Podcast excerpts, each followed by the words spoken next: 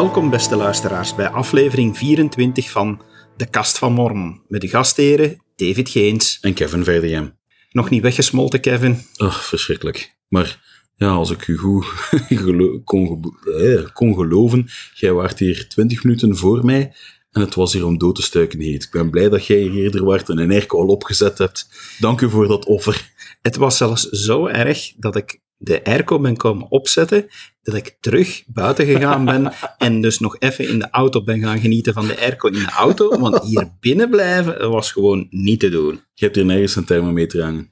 Wel, ik kan op de airco-unit zien van eh, wat dat die als intake heeft. En die gaat tot 39 graden. En die gaf aan dat het hoger was dan 39 graden. Oh, dat de verduidelijking, mensen ehm, die aan het luisteren zijn. Deze ruimte heeft één, ja, één wand van de ruimte, is eigenlijk gewoon één groot venster. Waar dat, ja, en een plat dak hierboven ook nog een keer. En dat het is- venster is zuidwaarts gericht. Zuidwaarts gericht, dus dat is hier een oven. Dat hebben wij er allemaal voor over om die podcast te kunnen opnemen. Dat je dan nog niet geautomatiseerd hebt, dat je zo van op afstand je airco op kantoor kunt aanzetten. Geeft me geen idee. nee, maar eh, het is echt wel... eh, Ik ben benieuwd of het gaat omweren. Ja, ze zeggen dat toch, hè, dat zou gaan onweren en dat eh, morgen een pak koeler zou zijn. En, en eindelijk de regen die onze regio zo hard nodig heeft. Eh, het zou in de komende dagen verschillende keren kunnen gaan regenen. Ehm, ik moet zeggen, ik had het eerder al iets ja, meer regen nu al verwacht. Want op weg naar huis zag ik in de verte dat het her en der al aan het regenen was, maar ik heb hier nog niks gezien. Ik eh, heb al een paar keer in mijn gebed om regen gevraagd, want ik Maar- denk toch dat onze natuur dat nodig heeft. Maar laat ons hopen dat de ha- hagel die voorspeld was er niet komt, want je hebt er al serieuze malheur mee gehad aan de hagel. Ja, ik heb al Granini-auto's gehad. Ja, dat, eh, dat is minder pijn. Fijn. Maar laat ons eh, eens over een ander onderwerp hebben, dat, dat ook gevoelig kan zijn. Ja, het is nogal een, een touchy subject. Ja. We gaan het, laat ons daar direct duidelijk over wezen, we gaan het hebben over borstvoeding. Ja, En ja, toch even kaderen dat we in voorbereiding, want ja, uiteraard bereiden wij onze podcasts eh, heel degelijk voor, en we zitten overwegen van, oké, kunnen wij nu als twee mannen gaan praten over borstvoeding? En dachten we van, goed, moeten we daar nu een vrouwelijke gast bij betrekken? Eh, maar dan zaten we met het probleem van, ja, maar stap zomaar eens op een vrouw af en vraag eens van, mogen wij over borstvoeding praten? Eh, die, is was u- bang om kletsen te krijgen. ja, ook al. Dus uiteindelijk hebben we gezegd van nee, kijk, wij gaan daar toch ons idee kunnen over geven. Ehm, omdat het zeer specifiek wel gaat over niet eh, zelf borstvoeding geven. Dus we dachten van, eh, goed, eh, daar zouden we zeker van afgebleven zijn. Ja. Maar eh, het gaat om over, over een relletje dat, eh, dat ontstaan is in, eh, in Amerika, in onze kerk. En dat toch eigenlijk wel, wel vrij interessant is om te belichten. En als ik even mag schetsen, ik ga geen namen noemen, eh, die doen er eigenlijk niet toe. Maar in Amerika is in een bepaalde wijk het voorgevallen dat er een, een zuster was die haar kind borstvoeding gaf. En ze deed dat in, ja, wat, in, daar in het kerkgebouw, De gang, wat, ja. ja, de gang eigenlijk, de foyer. En eh, daar, was, daar was op een gegeven moment de opmerking opgekomen, heeft daar een bisschop haar aangesproken en gezegd, Ze was, was onbedekt aan het borstvoeding geven. ja, maar er was niet veel zichtbaar, blijkbaar ook niet, maar toch onbedekt, inderdaad. En de bisschop had gezegd van, kijk, ja, eh, ik heb hier opmerkingen over gekregen. Eh, mannen, en zeker onze jonge mannen, kunnen daar verkeerde ideeën door krijgen. Ehm, en ja, ik zou willen dat, dat, dat je dat daar niet meer doet. Ehm, nu wou dat ook het toeval. Ja, dat is voor het stuk het toeval. Die vrouw die moest samen met haar echtgenoot die week ook bij de ringpresident zijn om haar tempelaanbeveling eh, te, te krijgen of te laten verlengen. En ja, ze zit bij de tempelpresident en dat komt ook ter sprake, want ze voelde haar een De beetje... president. Eh, ja, ja, sorry. En eh, dat komt ter sprake. En ze, ze, ze zegt van, ja, ik voel me daar een beetje onheus behandeld door met een bisschop. Wat vind jij daarvan? En die ringpresident, die, die zegt ook heel duidelijk van, ja, eh, dit, allee, ja, je bent fout. Je gaat inderdaad eh, moeten luisteren naar je bisschop. Dit kan totaal niet. En besluit zelfs om eh, daardoor de tempelaanbeveling niet te verlengen. Ja, hij zet er geen handtekening Ja, onder. hij zette, wilde er zijn handtekening niet onder zetten. En als je dacht dat dat nog niet straf genoeg was, het gaat nog iets verder. Ja, die ringpresident zegt dan zelfs tegen de echtgenoot, zegt hij van, kijk, jij moet je vrouw leren beter controleren. En, uh, en ja, controleren in de zin van ja, toch uh, de controle erover uitoefenen dat ze niet zo'n fratse uithaalt. En omdat die man daarop zegt van, sorry, van... Hij steunt zijn vrouw. Hij steunt zijn vrouw. En, en dat hij ook zegt van, ja, dat is ook niet de regel in onze kerk. We zijn gelijkwaardige partners. Ik, heb ja. geen, ik, ik moet niet de baas gaan spelen over mijn vrouw. Het is een eigen individu. Ja. En, en ja, zegt die ringpresident van, ja, dan geef ik u uw tempelaanbeveling ook niet. En dat op zich is eigenlijk eh, tot daar het kader waar, waar ik wou over ja. praten. Want, want uiteindelijk, daar zijn toch heel wat dingen aan die, die zoiets hebben. Dat, dat heeft dan tot een rel geleid, want ja, dat is dan ergens op een blog terechtgekomen. Daar hebben heel veel mensen op gereageerd. Er zijn ook uh, podcasts over geweest. Er zijn podcasts over geweest. Nu, ik wil daar nog aan toevoegen, want uiteindelijk zo'n verhaal, je moet opletten, in het begin komt dat heel ongenuanceerd en naarmate dat er altijd maar meer en meer duidelijk wordt. Ik heb ook uh, een, een, podcast beluisterd die dat tenminste de moed had om de dame in kwestie uh, te interviewen. En die was er eigenlijk heel eerlijk over. Die zei dan ook van, ja, maar even ter aanvulling, ik heb nadien een tweede gesprek gehad met mijn bisschop en die was heel lief en heel begrijpend. En ik heb toen ook de kans gehad om te zeggen van, ja, waarom doe ik dat in de foyer? Want in Amerika moet je rekenen, zeker in Utah, daar heeft de kerk altijd haar eigen gebouwen. En die zijn vrij gelijkaardig opgebouwd altijd. En die kerken hebben, omdat onze kerk eh, nu eenmaal ook een kerk is met heel veel gezinnen en grote gezinnen, en dus dat daar zeer regelmatig vrouwen zwanger zijn en baby's krijgen. Dus bijna alle kerkgebouwen hebben daar een mother's room, hebben ja. daar een moederkamer die ingericht is met een speciale stoel, uh, om makkelijker te zitten om borstvoeding te geven. Dus die bischop, zijn eerste reactie was van, ja, maar jij doet dat opzettelijk, dat je dat daar doet en niet in die moederkamer. Ja. Dus je hebt daar toch misschien, hè, doet je dat om aanstoot te geven? Waarop dat die vrouw dan, dan zei van, ja, bischop, nee, maar met alle respect, als ik mijn kind borstvoeding geef, mijn kind, ja, dat vraagt nogal wat tijd. En in die kamer, als dat gebeurt tijdens uh, het avondmaal, of de avondmaalsdienst, of dat gebeurt tijdens de bijeenkomst van, van de zusterhulpvereniging, de ZAV, dan zegt ze van, dan mis ik dat allemaal. En ze zegt van, dat is spijtig, want ik kom naar hier om opgebouwd te worden. En ze zegt, in de foyer hangen luidsprekers, en dan kan ik nog wel volgen tenminste. Toch zeker van een avondmaalsdienst. Ja, maar blijkbaar ook van de ZAV. Dat was de situatie. Ze zeiden dan alleszins van, dan kan ik volgen. Ja, inderdaad. Een kleine correctie daar. De bisschop heeft dan ook gezegd van, ja, misschien moeten we gaan kijken om facility management niet aan te spreken, zodanig dat ook de les in de ZAV kan gebroadcast worden in die mother's room, dat we die van, kabels kunnen laten doortrekken. Die, die, die was dus inderdaad heel begripvol. Ja. Hè, want hij zei van, oeh, daar had ik niet bij stilgestaan. Inderdaad, dat moet hier in orde komen. En ja, totdat dat in orde is blijf je daar maar borstvoeding geven. Maar het compromis was dan dat, dat ze dan twee topjes zou aandoen en eentje naar beneden zou trekken en de ander naar boven, zodanig dat er echt heel weinig te zien zou zijn. Ja. En zij zei daar zelf op van, maar kijk, dat vind ik nu, dat vind ik top. Duimen omhoog van een bischop, heel lief, begripvol, Mhm. heeft geluisterd en neemt maatregelen. Dus ze had voornamelijk nog altijd problemen met de ringpresident, dat die, dat die er fout had op gereageerd. Nu, ik zeg het, dat volledig als kader. Ik wil daar niemand gaan. Die ringpresident zal ook zijn bepaalde ideeën gehad hebben. Maar ik vroeg me nu eigenlijk af van de situatie hiervan. Hè, van, want ik kan me inbeelden dat er toch ook zusters zijn uh, hier bij ons die, uh, die toch ook daar al misschien mee in aanraking zijn gekomen met die vraag van ja, borstvoeding, waar geef ik dat? Kan dat Mhm. hier? Um, ik ben dus al eens in de eerste plaats in het handboek gaan kijken. Ja. Het handboek zegt er niks over.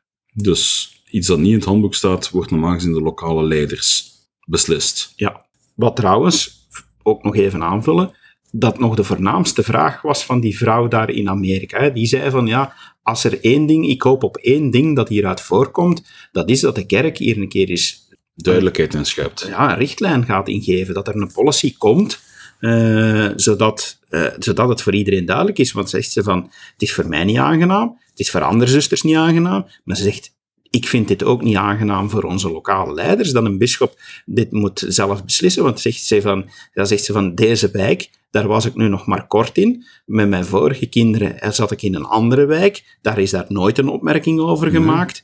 Dus op dat punt geef ik haar volkomen gelijk van dat er eigenlijk wel eens nood is aan een richtlijn. Ja, maar de vraag is ook van, dat is dan weer zo, precies, het is een Amerikaanse kerk, en dan moet er weer een Amerikaanse richtlijn opkomen. Want, ga naar Afrika, ga naar andere landen, en je gaat dat waarschijnlijk niet hebben. Waar dat er echt aanstoot genomen wordt aan iemand die openlijk borstvoeding geeft, gaat je dan zusters, waar dat het in hun gemeenschap of, of cultuur nooit een probleem geweest is, gaat dan ineens wel verplichten om bijvoorbeeld, stel dat de beslissing genomen wordt, je moet bedekken, gaat je hen daar dan ook mee? Ik kan me inbeelden als een heel warm, stel nu dat op deze dagen een doek over je kind legt, over je schouder, over je borst en over je kind. Dat kind zit al met zijn neus heel dicht tegen die borst. Sommige kinderen hebben, ik, ik, heb, ik heb zelf ook al uh, bij, bij, bij onze kinderen gezien, dat het soms nodig is om die luchtweg vrij te houden. Als een, een, kind heeft al moeite met ademen, als je er nog eens een doek over gaat leggen, je kunt dat als moeder ten eerste al niet, niet goed zien wat er allemaal gebeurt. Het moet allemaal op de tast gebeuren. Het kan volgens mij ook niet prettig zijn voor het kind. En zeker bij die warme temperaturen als vandaag, kan het mij beelden dat dat gewoon, dat dat de hoofd gewoon te warm heeft. Allee, dat zijn zo van die dingen waar je zegt van, allee jongens, dat is de reden waarom dat ik er eens wou over hebben in deze podcast, is van, oké, ik denk dat bij ons de situatie ook weer al anders is omwille van culturele verschillen. Ik denk dat het feit dat het een rel was in Amerika ook te maken heeft met gewoon algemeen Amerikaanse cultuur. Oh, en zeer specifiek. anti-borstvoeding, hè?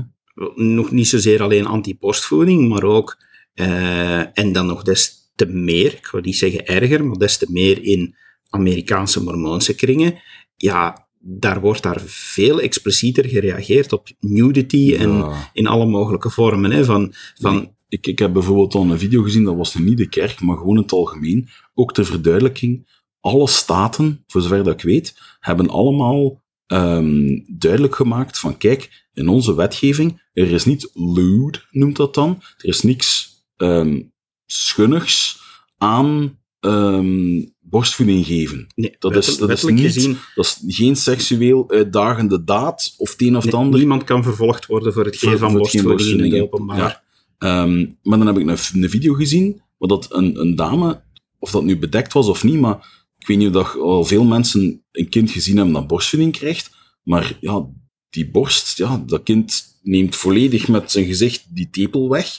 Je ziet zo nog wat de omleiding van een borst, maar voor de rest zie je niet veel. En toch waren een heel hoop aan, ah, you should be ashamed of yourself, en schaamde jij je niet, en dat is disgusting, en ik wil dat niet zien. En dan het ironische was, dat vlak daarnaast een reclameposter stond van een of andere dame die zo schaars gekleed was, dat je meer van haar borsten kon zien dan bij de moeder die... En dat was dan wel sociaal aanvaardbaar, maar het natuurlijke, een kind voeden waar dat een borst uiteindelijk verdient.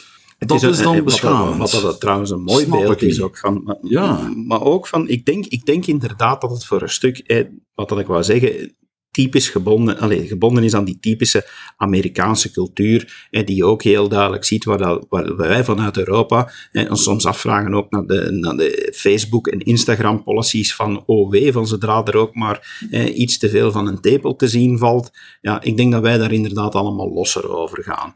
Het is ook de manier waarop we opgroeien. Hè.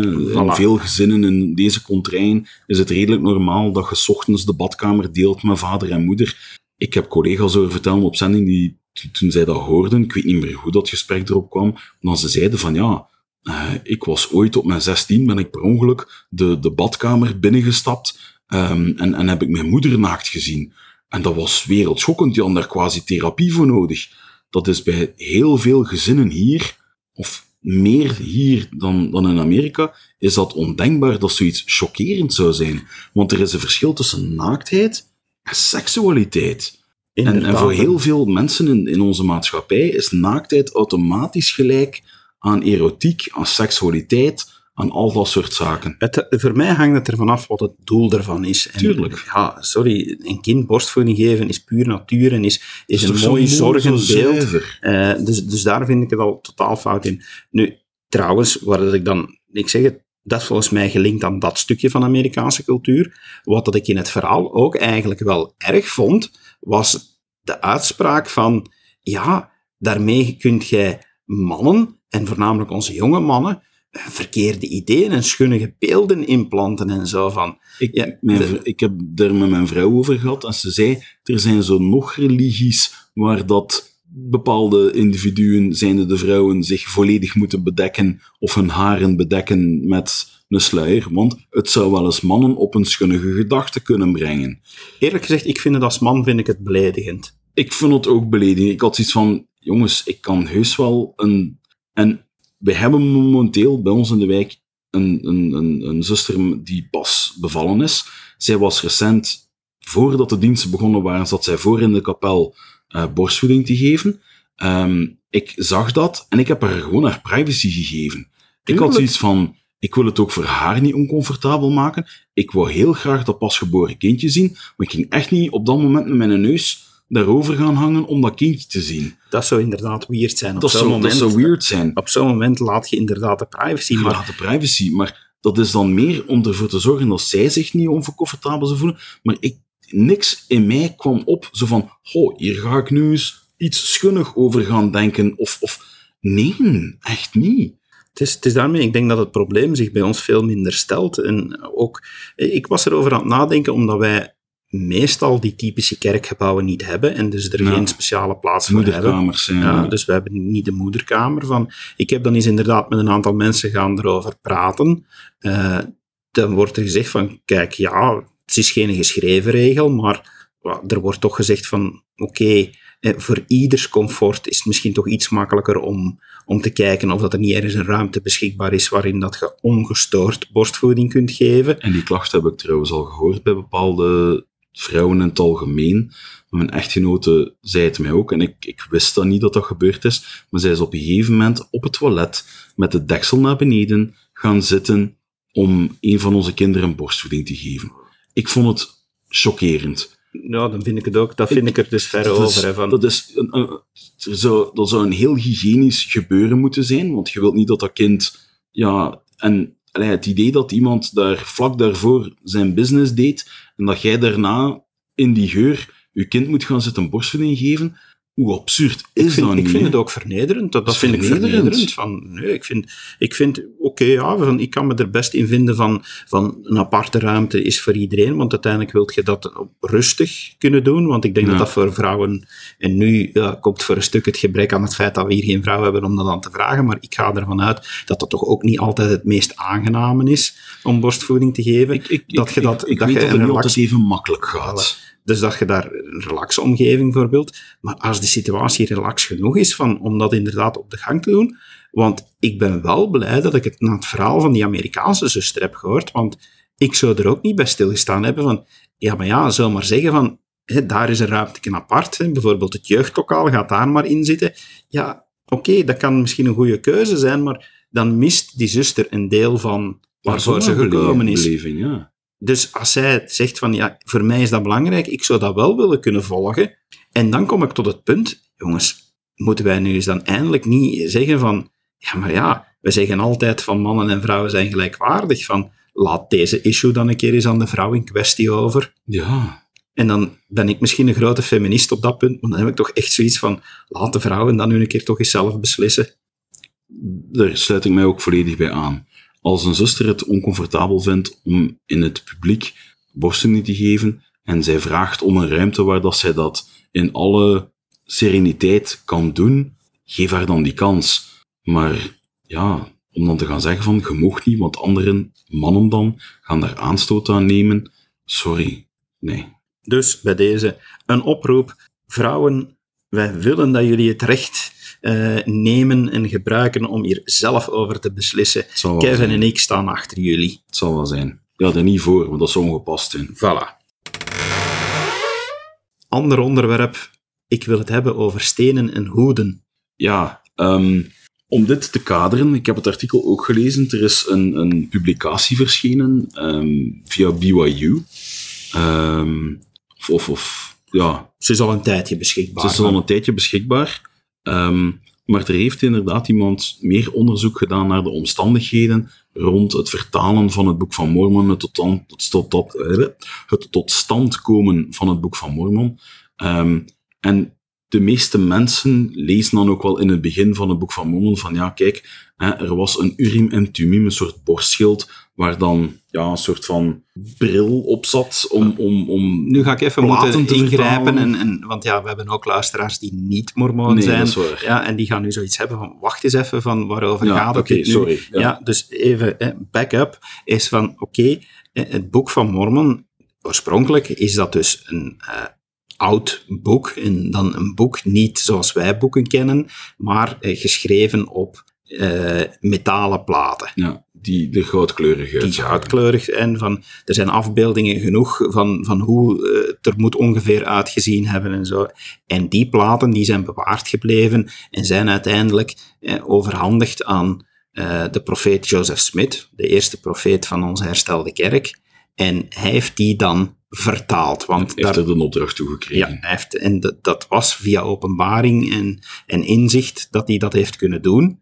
Want die, op die platen was niet in het Engels geschreven, was niet in het Hebreeuws geschreven, maar was echt in een oude taal, in een soort Egyptisch schrift geschreven. Ja. En ja, hij had daar een aantal hulpmiddelen voor gekregen. En de Urim en Thummim wa- waren dus, ja, eh, Twee transparante stenen, als het ware, die in een borstplaat bevestigd waren, waar dat je door kon kijken. En die konden helpen met de vertaling. Ja, maar zelfs die heeft hij niet van in het begin gebruikt, want zelfs de termen Urim en Thummim zijn pas jaren later, na, na het uitkomen van het Boek van Mormon, is het pas duidelijk geworden dat dat er de namen van waren. Ah, maar dat staat toch in het boek van Mormon op het moment dat ze aan... ehm, was het Mozia? Nee, dan ze daar... ehm, op een gegeven moment ook de, de mensen die uit Babel gekomen waren, die eerste groep, waar dat in Ether over verteld wordt, dacht ik. Ehm, Waar dat ze dan inderdaad zien van ja, en er waren ook twee stenen die de profeet toen van het volk dat, dat er nog was, kon helpen om die geschriften, die oude geschriften, te gaan vertalen. En daarin wordt inderdaad vermeld de Urim en Thummim. Maar als we weten op welke korte tijdspanne dat eh, het boek van Mormon vertaald geweest is, ja, dan is het niet pas jaren nadat het boek van Mormon vertaald geweest is, dan ze er de namen van kennen. Hè? Nee, ze kennen ze alweer, zoals ik zei, zijn ze pas de namen beginnen te gebruiken. Ah ja, op die manier, ja. Maar zelfs, eh, oké, van in het begin, er, er zijn momenten geweest dat Joseph Smith niet eens die door God gegeven apparaten, zal ik ze Mhm. maar noemen, devices, gebruikt heeft om die eh, platen te gaan vertalen. ja. En dan komen we op het punt waarover ik het wou hebben. Iets wat dat door tegenstanders van de kerk dan vaak gebruikt wordt om het belachelijk te maken. En waar de kerk vroeger niet zo transparant over was, maar dat nu eigenlijk gewoon iedereen mag weten. Ja, Joseph Smith heeft een deel van, van, van zijn vertaalwerk gedaan door een steen ja. in een hoge hoed te steken, zijn hoofd in die hoed te steken en dan te dicteren wat hij zag verschijnen op die steen. Ja, nu, om dat ook te kaderen, de reden waarom, ehm, dat is ook een beetje, het wordt erin uitgelegd, er was lang een misvatting dat er een gordijn was tussen de, de schrijver en Joseph Smith die eh, aan het vertalen was. Ehm, maar omdat dat, dat bleek er dan niet te zijn, dat was eerder voor de deur, om zeker te zijn dat er geen... De deur stond open, voor de warmte, weet ik veel wat. Daar hadden ze dan een gordijn voor gehangen, zodanig dat er geen mensen van buiten zomaar konden zien wat er binnen aan, aan het gebeuren was. Dan moet je dat kaderen. Iemand die aan het opschrijven is, heeft licht nodig. Nu, ehm, de reden waarom dat hij die in een hoed gestoken had, was omdat, ja, je moet maar eens proberen uw gsm op een lage ehm, helderheid in zonlicht te kunnen gaan zien. Dan heb je problemen. Moest jij uw gsm op dat moment in een hoge hoed steken en uw gezicht daarin steken, dan zou je uw gsm ook beter kunnen zien. Dat was de reden waarom dat hij die in een hoed gestoken had. Voilà, dus dat is eigenlijk al van, want ja, als je het in het belachelijke wilt gaan trekken, dan zou je zeggen van, ja, maar ja, een steen, wat is daaraan te zien en zo van, maar dus de hoed, hè, van, en, en sommigen zeggen dan van, ja, en je maakt het nog erger door te zeggen van dat hij zijn hoofd in een hoed stak, van, ja, maar op dat punt is het inderdaad, zoals jij zegt, van, ja, hoe had hij iets kunnen deftig zien uh, op een steen die wat flauwtjes oplicht, als hij niet zelf in het donker zat, dus die hoed is op dat punt eigenlijk heel logisch. Ja. Natuurlijk blijft dan ook de vraag van, ja, maar had hij dan een steen die, die, die licht gaf? En ja, dat, dat is het punt. Je noemde het dan al, de Urim en Thummim. Daar wordt zelfs in de schriften naar verwezen. Er zijn inderdaad ook stenen die gebruikt worden om dingen te kunnen zien. Het noemt dan ook zienerstenen. Ja, uh, seerstone, ja. ja.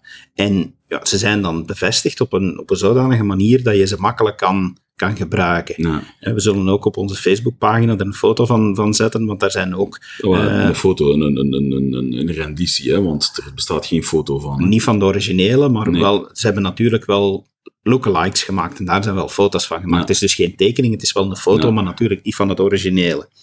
En ja, ja dus op dat punt van, van gaan zeggen van, oké, okay, uh, was dit allemaal nodig? Dat, dat je zegt van, wederom, en dat hebben we al heel vaak gezegd, is ja, geloof is een, is een keuze. Mhm. En ja, ga je zeggen van, we gaan hier niet afkomen met onomstotelijk bewijs van, ja, maar ja, zie je, het klopt allemaal van. Of dat je het gelooft of niet, maar als je het gelooft, is het heel logisch dat hij inderdaad een hoed gebruikt heeft en dat, er, dat, dat hij hulp nodig had heeft om, mhm. om dat ook maar te begrijpen. Want uiteindelijk, ja, je krijgt daar platen met een schrift dat je niet kent, in een taal die je niet verstaat. Ja, dan moet je iets hebben dan lukt het alleen door openbaring. Nu, we zijn hier al in bepaalde details aan het intreden, terwijl we eigenlijk nog aan het kaderen zijn. Want het stuk zelf poogt eigenlijk om duidelijk te maken. Er zijn een hele hoop mensen die zeggen van ja, Jozef Smit, die heeft zo eens heel hard aan zijn duim gezogen. Die heeft op voorhand manuscripten zitten schrijven. Die heeft dat heel lang zitten voorbereiden. Die was dat gewoon aan het aflezen. Um, er, er waren, ja, hij, hij heeft dat allemaal maar verzonnen. Maar hier worden een hele hoop omstandigheden aangehaald, waarin dat heel duidelijk blijkt dat Jozef dat echt niet zomaar uit zijn duim kon gezogen hebben. We hebben een hele hoop getuigen, mensen die, die aanwezig waren op het moment dat die, uh, dat die vertaling aan de gang was, um, die dan effectief ook ja, zeggen van nee, die, die had geen dingen. Die kon dat voor mij, zijn vrouw bijvoorbeeld, die was ook op een gegeven moment uh, een van zijn scribes, de, de, de opschrijver van de dingen, die had dat voor mij niet kunnen verbergen. Um, zo zijn er momenten geweest waarop dat Jozef ruzie had met zijn echtgenote. Ze gaan met zijn scribe gaat hij naar boven om de vertaling uh, te gaan verder zetten. En er verschijnt niks. Er verschijnt helemaal niks. Hij gaat het bos in, um, knielt neer, vraagt de hemelse vader waarom staat er niks meer op de steen. Krijgt eigenlijk flink onder zijn, onder zijn, zijn vijs van onze hemelse vader van je moet braaf zijn. Hij heeft um, terug bij zijn echtgenote gegaan, heeft om vergiffenis gevraagd, heeft die gegeven, heeft zich dus met andere woorden bekeerd van het ruzie maken, en dan kon hij terug wel dingen zien.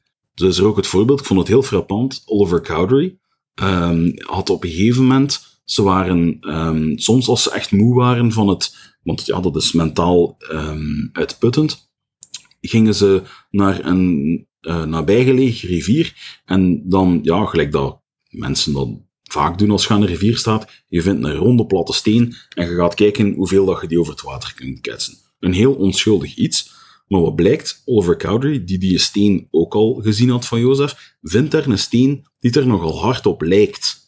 Van kleur en vorm en weet het nog allemaal veel. En hij verwisselt die en hij laat, zonder dat hij tegen Jozef zegt, laat hij Jozef uh, beginnen aan de vertaling. En Jozef zegt zelf, want zegt hij, zegt, er scheelt er iets, zegt hij, want er verschijnt niks.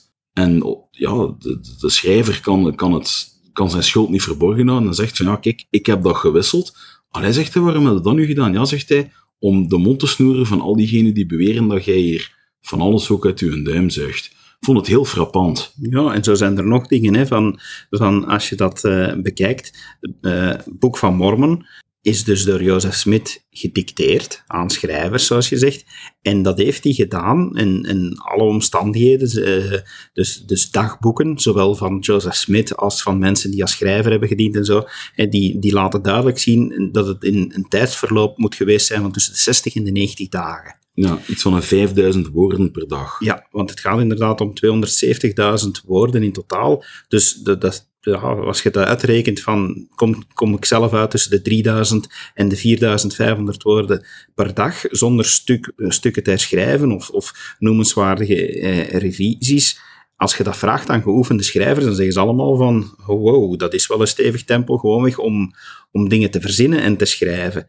en als mensen betichten hem van um, dingen op voorhand op een manuscript geschreven te hebben en dat gewoon voor te lezen aan zijn schrijvers. Hè? Ja, maar dan, dan moet je weten van, Joseph Smith was, was nog een jonge kerel en die heeft maar twee maanden naar school geweest. Van, ja, van... hij kon lezen, het was geen ongeletterde, nee, maar... maar... het wordt ook vaak omschreven uit de getuigenissen van, van de mensen die rondom hem waren, dat hij bepaalde woorden die hij las, dat hij niet wist hoe dat hij ze moest uitspreken. Hij moest ze letter voor letter gaan dicteren, Um, op een gegeven moment is hij zelfs met bepaalde woorden bij uh, de schoolmeester langsgegaan, die hem dan uitgelegd heeft wat dat bepaalde woorden betekenden. Um, dingen die je niet zomaar uit, uit je duim gaat zuigen. Dit was een boerenjongen, hè. Die was wel een beetje naar school geweest, die had leren lezen, maar dat was ook geen schriftgeleerde, die had niet bepaalde dingen uit de Bijbel gelezen, um, of nog niet, en wist ook niet hoe dan bepaalde um, Saria bijvoorbeeld, wist hij niet hoe dat hij die naam moest uitspreken. Allee, zo dat soort dingen. Dat je zegt van, al die getuigenissen daar rond geven toch aan dat dit zomaar schrijven. En dan heb ik het nog niet, dat staat nu niet in het artikel, maar er is een bepaald hoofdstuk dat een bepaalde schrijfvorm heeft, waar dat je het eigenlijk van het begin tot het midden leest, en dat de rest van het hoofdstuk eigenlijk van het midden terug naar het begin gaat. In manier waarop dat de verzen elkaar opbouwen. Nu, dat is heel moeilijk om te doen. De, zelfs mensen die daarop geoefend zijn, vinden het heel moeilijk om dat te gaan doen. Maar die heeft dat binnen een tijdspanne van gaan dicteren, terwijl dat hij daar als, als, als redelijk ongeschoolde jongen totaal niks over wist over die stijlen. Nee, nog, een, zo'n aantal voorbeelden die, die uit dagboeken van anderen komen, die ik heel frappant vind, is, uh, is onder andere het, het feit Um, omdat je het ook al noemde, hoofdstukken. Het boek van Mormon is, zoals ook in de Bijbel, is op zich gevormd uit verschillende boeken. Ja.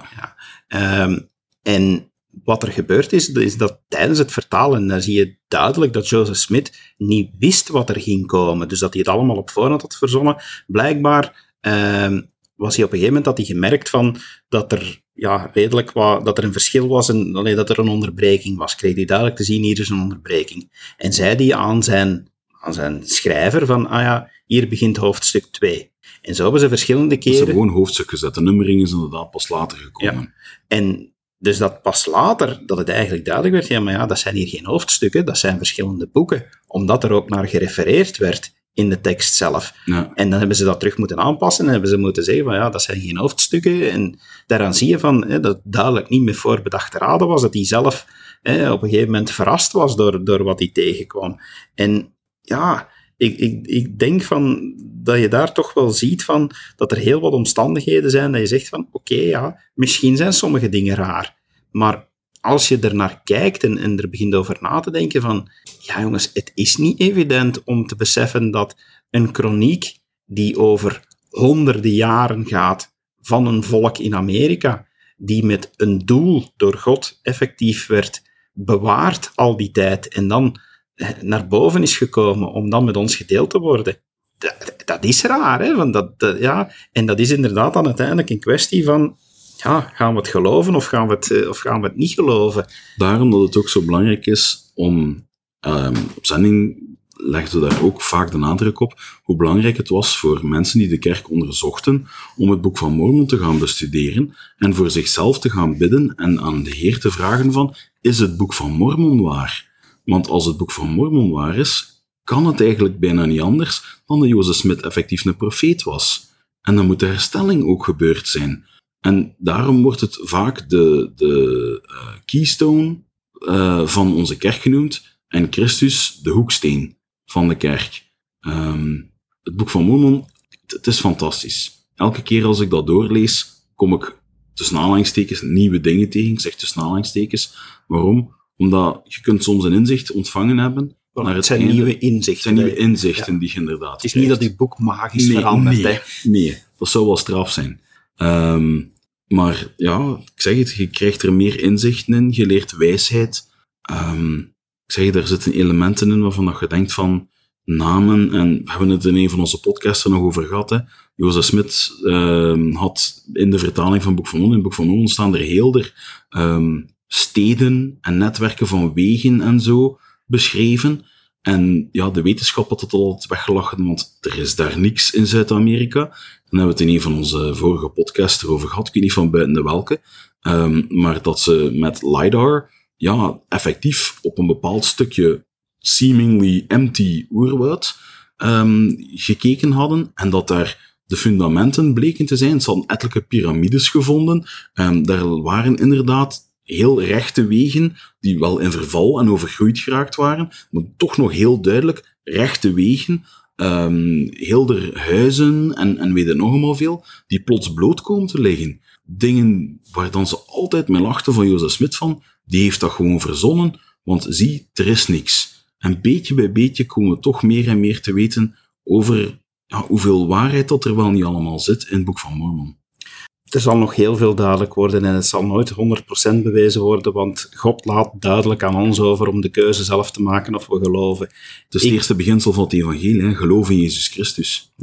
En ik weet, alleszins dat het Boek van Mormon heel bijzonder is. Het, eh, het brengt heel veel inzichten. Het is, voor wat mij betreft, te mooi, te goed om, om zomaar verzonnen te zijn. En als je dan inderdaad eh, dingen leest zoals dit artikel, die dat toch op een aantal punten wijzen, dat je zegt van, kom aan jongens, van begin daar eens over na te denken. Ja, dat gecombineerd met het feit van, ja, als je erover bidt en, en je luistert dan heel goed naar, naar de ingeving die je dan krijgt, eh, de bevestiging door de Heilige Geest, dan moet je zeggen van dit is een heel bijzonder boek. En dat fijn, vredevol gevoel, dat, dat, dat, dat vreugde is, dat, dat een warm gevoel geeft. Dus het is echt meer een gevoel dan een antwoord van, ja, het is waar. Ik zeg niet dat dat niet kan gebeuren, maar dat zal een heel grote minderheid zijn ehm, die een fysieke stem hoort. Maar de meesten horen een kleine, zachte, innerlijke stem. Ehm, en ik kan ervan getuigen dat ik zelf die ervaring al verschillende malen gehad heb wanneer ik praat over het evangelie, wanneer ik ehm, getuig van het boek van Mormon. Het is gewoon heel mooi. Ik, ik getuig ervan dat als, als ik die ervaring, en jij ongetwijfeld ook, en die ervaring kan hebben, kan iedereen ze hebben. Wie echt interesse heeft gekregen in het boek van Mormon en, eh, en er is eentje wil hebben van geef ons maar een seintje en we zorgen er wel voor Absoluut. dat je een exemplaar van ons krijgt. In gelijk welke taal dat je wil. Laatste topic eh, dat ik vandaag met jou wou bespreken, Kevin, is over ehm, de film Believer, die eh, niet in Vlaanderen uitgezonden is geweest, maar in Nederland was die wel onlangs op de evangelische omroep, eh, is die uitgezonden. En daarom wou ik het er even over hebben. Nu, de film Believer, ook weer wat achtergrondinformatie, is een, een, een film, een documentaire, die gemaakt is in samenwerking met Dan Reynolds Ja. ehm, is de leadzanger van Imagine Dragons, ehm, een ja, muziekgroep, Best bekenden ook. een best bekende muziekgroep. En eh, Dan Reynolds is mormoon. Ja. En eh, Dan Reynolds is, is ook enorm begaan met, en op een heel tedere manier, ook begaan met de rechten van de homogemeenschap. Ja, LGBT. Ja, en voornamelijk heel erg bezorgd. En een onderwerp waar dat we al, al uitgebreid over gehad hebben, over, over homofilie binnen de kerk en, en ook over eh, de verhoogde zelfmoordratio. Ja. En dat heeft hem aangezet om, om die documentaire te maken. Hij figureert daar zelf eh, heel sterk in. En ook nu om een concert te organiseren eh, in Utah. Het, het Love Loud concert. 26 augustus gaat dat, eh, gaat dat doorgaan. En eh, ja, ik heb gezien dat er, die film Believer, door, doordat die nu op, eh, in, in Nederland de, op de buis is geweest. Uh, in Amerika op HBO. En op, ja, daar op HBO. Dat dat natuurlijk weer een aantal dingen heeft losgemaakt. Mhm. En ja, dan zie je dat, dat een aantal mensen daar, daar de reactie op hebben van, dat was uh, een hele mooie documentaire. Uh, sommige mensen hebben daar dan zo toch weer net iets te makkelijk de conclusie bij van, oh ja, je ziet dat de kerk toch enorm fout is met de manier waarop ze uh, reageert. En het is op dat punt dat ik even wil inpikken, want uh, dat zijn ook opmerkingen die natuurlijk in Amerika gemaakt zijn en een aantal kranten zijn gaan praten met Dan Reynolds. En ik heb die interviews gelezen en dan zie je dat hij daar toch wel zegt van, ho mensen, van misschien zijn mijn woorden ook de vorige keer, hij zegt van ik spreek altijd vanuit mijn hart en misschien ben ik vanuit mijn passie ook iets te fel geweest, maar ik wil nu toch eens een aantal dingen heel duidelijk zeggen. En dan zegt hij heel duidelijk van ja, ik ben het niet helemaal eens met wat de kerk zegt over ja, het standpunt van homofilie is een zonde. Ja, dat is zijn persoonlijke mening.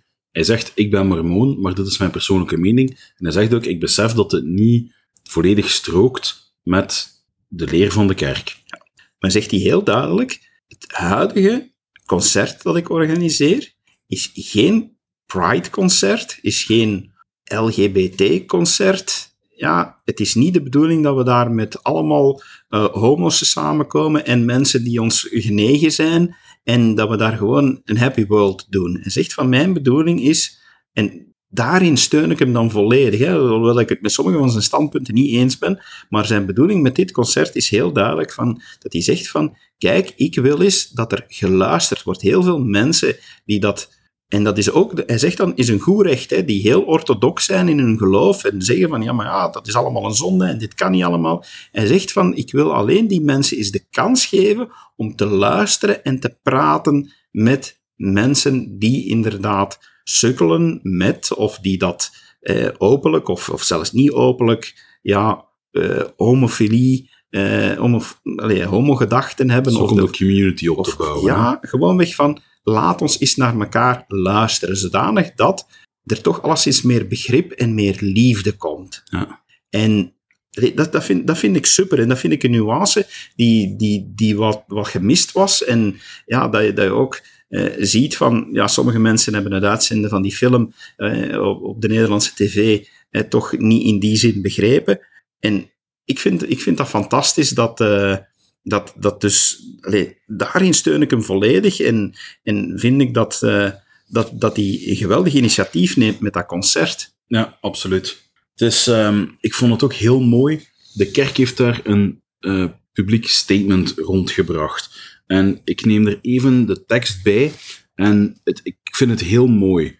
Um, de kerk zegt, hè, we, um, we applaud, hè, we, we, juichen toe dat het uh, Love Loud Festival voor de LGBTQ uh, jongeren het doel heeft om mensen samen te brengen om um, het, het, punt van veiligheid voor tieners en om dat aan te kaarten en ook um, om, om respect en liefde te uiten voor al Gods kinderen.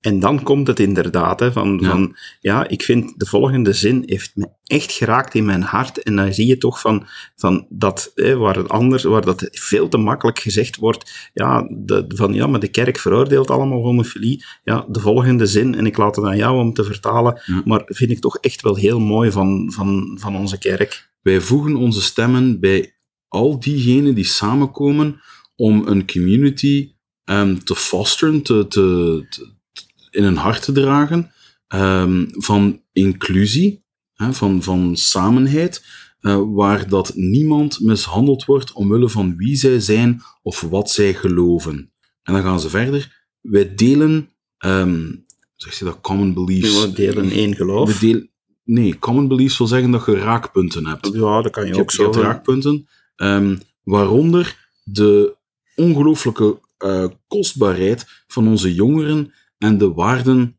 van families. Wij hopen van ganser harte dat het festival en andere um, efforts, andere um, inspanningen, inspanningen, um, respect kunnen, een, een respectvolle com, uh, communicatie kunnen opbouwen die leidt tot betere, beter begrip en civiliteit terwijl we leren van elkaar.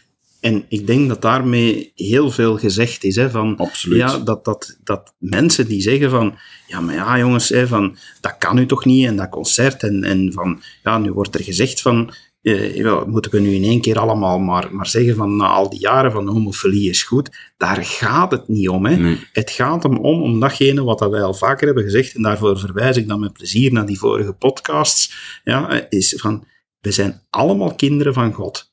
En gewoon alleen al om dat feit verdienen we allemaal respect. Of dat, we, of dat we zus of zo zijn. Ja. Niet alleen op dit aspect, maar op alle aspecten van. We moeten elkaar graag zien, we moeten elkaar liefde tonen. En ja, dat onze kerk nu ook zegt van, kijk, daar draait het om. En dat is het doel ook van, van deze organisatie. En daar staan we volledig achter.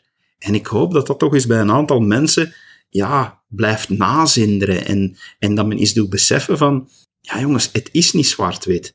Want in die zin, en, en, en dat wil ik nog even, nog even aanvoelen, van, ik ben er de laatste tijd mee bezig geweest en ehm, een aspect dat ik ontdekte heb, zo'n puzzelstukje dat voor mij persoonlijk op zijn plaats viel, ja, kwam, kwam eigenlijk uit iets uit de leer van de filosofie.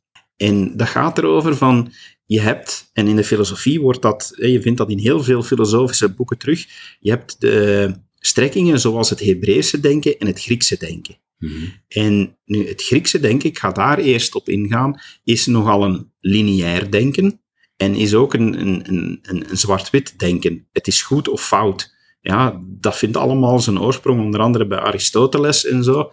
En ja, je krijgt daar heel vaak van een, een nul of een één situatie. Het is binair.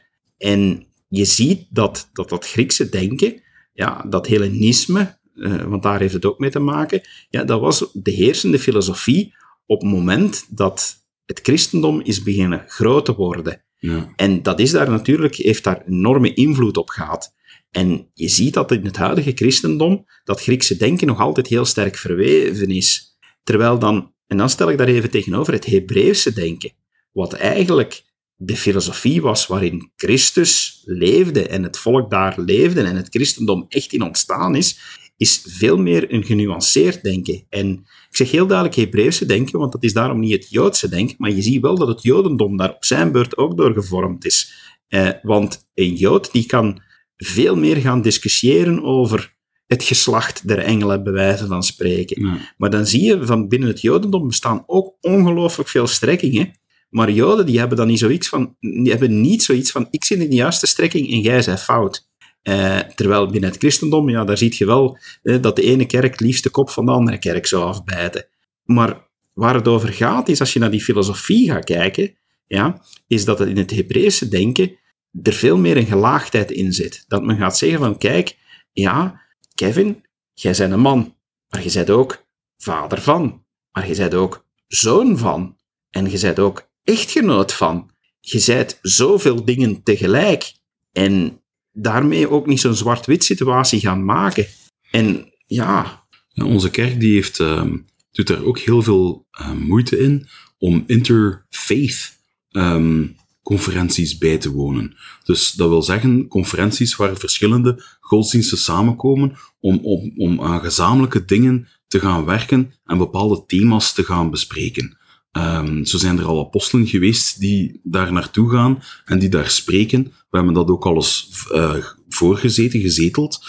Ehm, waar dat we dan zeggen van, ja, maar ja, je deed mij denken met dat Hebreeuws denken van, het is niet allemaal, jij zijt gelijk en, en, en, en jij zijt fout. Meer gaan, ja, building on common beliefs. Ja. Hij zegt van, je hebt, je hebt die dingen gemeenschappelijk en daar bouwen we op. ja vooral ook van, om, om dat met dan een, een bijbels voorbeeld te geven, het, het doet mij nog, het gaf mij een heel andere kijk, bijvoorbeeld op de parabel van de overspelige vrouw.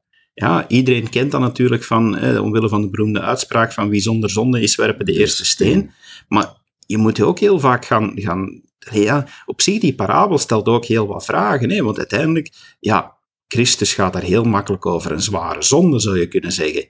Die vrouw heeft een zware zonde en zegt van ga heen en zondig niet meer. Maar vanuit dat Hebreeuwse denken is dat, is dat veel beter te kaderen van, van oké, ja, die zonde is maar één aspect van die vrouw en wie zij is. Terwijl En- het lineair denken meer zoiets heeft van, die heeft nu die zonde begaan en baf, hier stopt het, die is nu een zondaar. En dat is zo. Punt. Ja, en dan zie je dat trouwens eh, de Hebreeuwse cultuur daar ook niet helemaal vrij van is. Hè? Want ja, volgens hun geloof en, en hun cultuur zou die vrouw op dat moment moeten gestenigd worden, Ja. alleen omwille van die ene zonde. En dat is waar dat Christus eigenlijk tegenover stelt van, ja, maar er is hier zoveel meer. En ja, en, en dan kom ik terug op wat dat ik daarnet ook al zei van, ja, die vrouw is natuurlijk op dat moment, heeft zijn zonde begaan, maar hoe dan ook, zij blijft een dochter van hemelse ouders. Tuurlijk. En daar, daar toont hij dan ook enorm veel liefde voor in die parabel. En dat is voor mij, en daarmee dat ik het, dat ik het hiermee in verband breng, dat is ook wat dat hier onze kerk toont en wat dat een Dan Reynolds heel mooi toont en waarvoor ik echt applaudisseer, is van, jongens, laat ons inderdaad een keer eens daarvan uitgaan, van die liefde voor elkaar. En niet beginnen te zeggen van, ook niet als buitenstaander, zomaar zeggen van, ja, maar ja, al die gelovigen, ze zijn tegen homo's en ja, er een zwart-wit te- tegenstelling van te maken. Het is geen zwart-wit. Het is veel complexer, veel genuanceerder dan dat. Maar de basis is van, ja, hou van elkander en respecteer elkaar om wie ze zijn. En dat vond ik zo'n mooie boodschap dat ik dat toch eens echt naar voren wou brengen. Amen. En laten we ons daarmee afsluiten. Dat was een mooie afsluiter, vond ik. Ik vind ook dat we met die positieve noot mogen afsluiten. Absoluut. Beste luisteraars, we hopen dat u weer genoten heeft van onze podcast. Zoals altijd, eh, je kan ons bedanken door ons een goede review te geven op iTunes of eh, Een sterretje op Overcast. bijvoorbeeld. En blijf ook maar komen met uw vragen en opmerkingen. We merken dat het alsmaar meer begint te leven. Heel kort dan. We hebben heel veel reacties gekregen op onze vorige podcast, waar we het hadden over de eh, Burkini.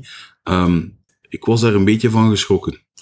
Het is soms, ja, merk je dat, eh, dat op het internet nogal zaken heel polariserend gaan. Eh, Dat we- zwart-wit denken komt daar echt wel naar boven. Dat was alleszins niet onze bedoeling, maar we zijn wel eh, blij om te merken dat we toch onderwerpen aanraken die, die leven.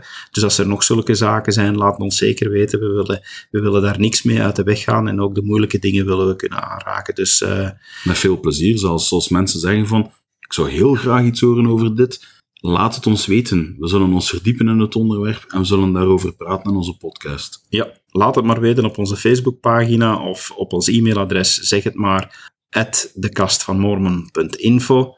Eh, je kan ook op onze Twitter terecht. En eh, nu zelfs sinds eh, deze week kan je ook op YouTube, op ons YouTube-kanaal terecht. We hebben dat eindelijk eens een beetje opgepoetst en zorgen er nu ook voor dat onze podcasts daar terechtkomen, voor wie daar liever via YouTube volgt. Dus laat maar komen en wij gaan ermee aan de slag. Rest ons enkel nog om jullie een heel fijne tijd toe te wensen, om eens eh, stil te staan bij de dingen die we vandaag hebben gezegd. En eh, hopelijk tot de volgende aflevering. Dag!